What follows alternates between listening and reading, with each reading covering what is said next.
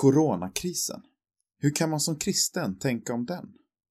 En aktuellt artikel av Daniel Ringdahl och Martin Helgesson. På kort tid har coronaviruset gått från en kinesisk kris vi hört om på TV till en pandemi som påverkar var och en av oss.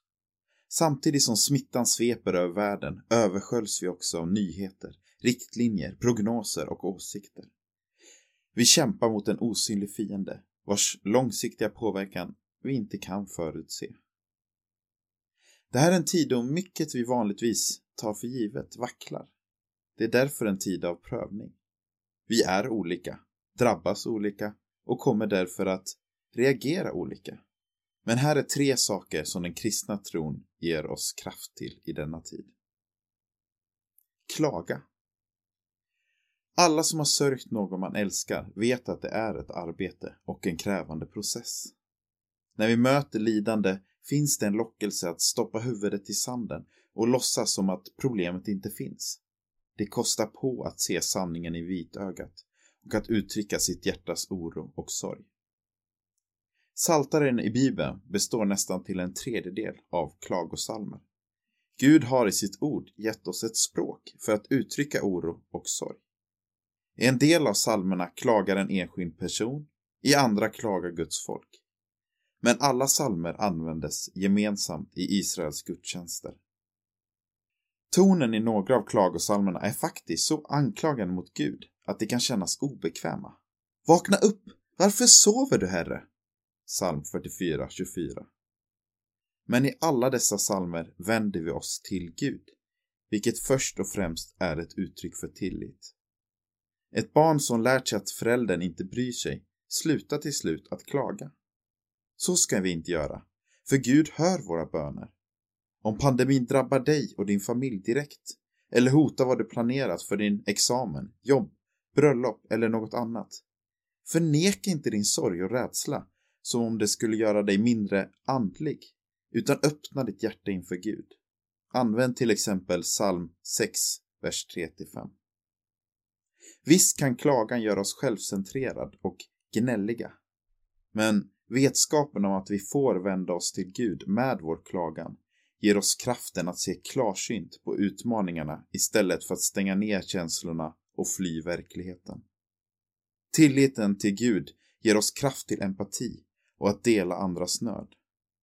Har vi klarat oss lindrigt undan kan vi ändå be klagosalmerna i solidaritet med dem som lider på andra platser. Hoppas. Tack vare Jesus har vi ett unikt och relevant hopp. Jesus uppståndelse innebär att vårt hopp är mer fast än både vår personliga hälsa och samhällets resurser. För var och en som tror på Jesus finns ett orubbligt hopp om liv bortom döden. Men hoppet gäller också för den här världen. Gud har inte övergett sin skapelse. Och Guds plan är inte bara att rädda några få ur ett sjunkande skepp. Bibelns framtidsvision handlar om att Gud skapar nya himlar och en ny jord, befriad ur syndens, dödens och djävulens grepp. Uppenbarelseboken 21 och 22.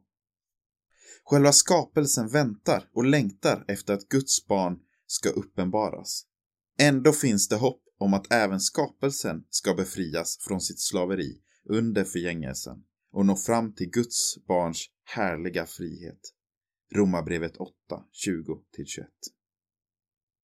Coronaviruset är inte jordens undergång, utan hör till den sortens händelser som Jesus sade att vi skulle förvänta oss före hans återkomst. Matteus 24, 6.